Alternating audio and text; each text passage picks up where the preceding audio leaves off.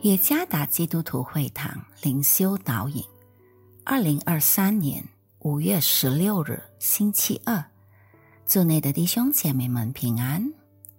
今天的灵修导引，我们将会借着圣经提摩太后书第一章第三到第十节来思想今天的主题：传承信仰的妇女。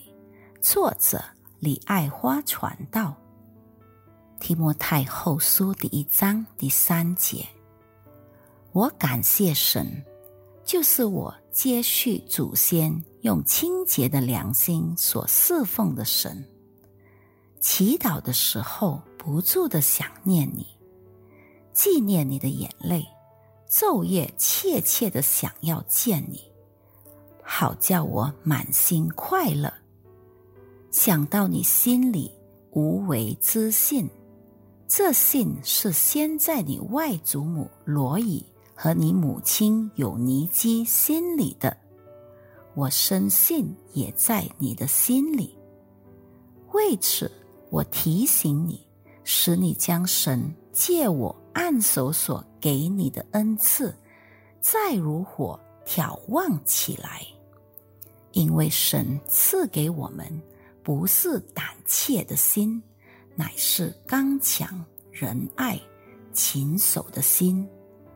你不要以给我们的主做见证为耻，也不要以我这为主被求的为耻，总要按神的能力与我为父婴同受苦难。神救了我们，以圣招招我们，不是按我们的行为。乃是按他的旨意和恩典，这恩典是万古之先，在基督耶稣里赐给我们的。但如今借着我们救主基督耶稣的显现，才表明出来了。他已经把死废去，借着福音，将不能坏的生命彰显出来。代代相传的训练是一种有果效的门徒训练，虽然这训练是一种不太显眼的艺术，甚至在如今这个时代有被忽视的趋向。基督徒家庭中的门徒训练通常是由一家之主及父亲来带领，然而。女性实际上也被上帝呼召，把信仰代代传承下去，就如在罗以、有尼基和提摩太这三代之间的传承。参看第五节，信仰是这个家庭的主要传承。这就是说，一个家庭的每一位成员，无论是祖父母。父母亲还是其他成员中都可以参与，这样对基督的信仰就能传承给家人，甚至给家庭之外的人，让大家能认识基督，并且灵命在基督里成长。当我们在讨论提摩太大家族时，尤其是其外祖母罗伊成功将信仰传承给提摩太的母亲尤尼基，甚至尤尼基也成功的把信仰传承给提摩太。提摩太是使徒保罗属灵的儿子，作为提摩太的导师，保罗记得罗伊和尤尼基。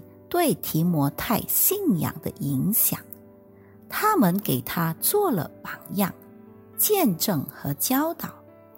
在这个传承的第三代，虽然提摩太是经验不足、能力也还没发挥到极致的年轻领袖，但他一直从保罗那里得到鼓励。让他有机会成为一名优秀的领袖。提摩太家族的主要榜样之一，就是他祖母和母亲两代相传无为的信心。他们两代都是传承信仰的妇女。参看第五节，有了这信仰的基础，提摩太就有可能成为优秀的领袖。因此，保罗鼓励提摩太把他的恩赐眺望起来，确信上帝已赐给他刚强、仁爱和勤守的心。参看第六和第七节。你今日的灵命生活情况如何呢？你要努力把主赐给你的属灵福分分享给你身边的子孙。你是否有真诚和无为的信心？如果你已有了这信心，那么你有一个重要的任务，就是。把这信心传给上帝所托付给你的人。信仰的传承是非常宝贵的遗产，不仅是为了今生，也是为了永恒。愿上帝赐福于大家。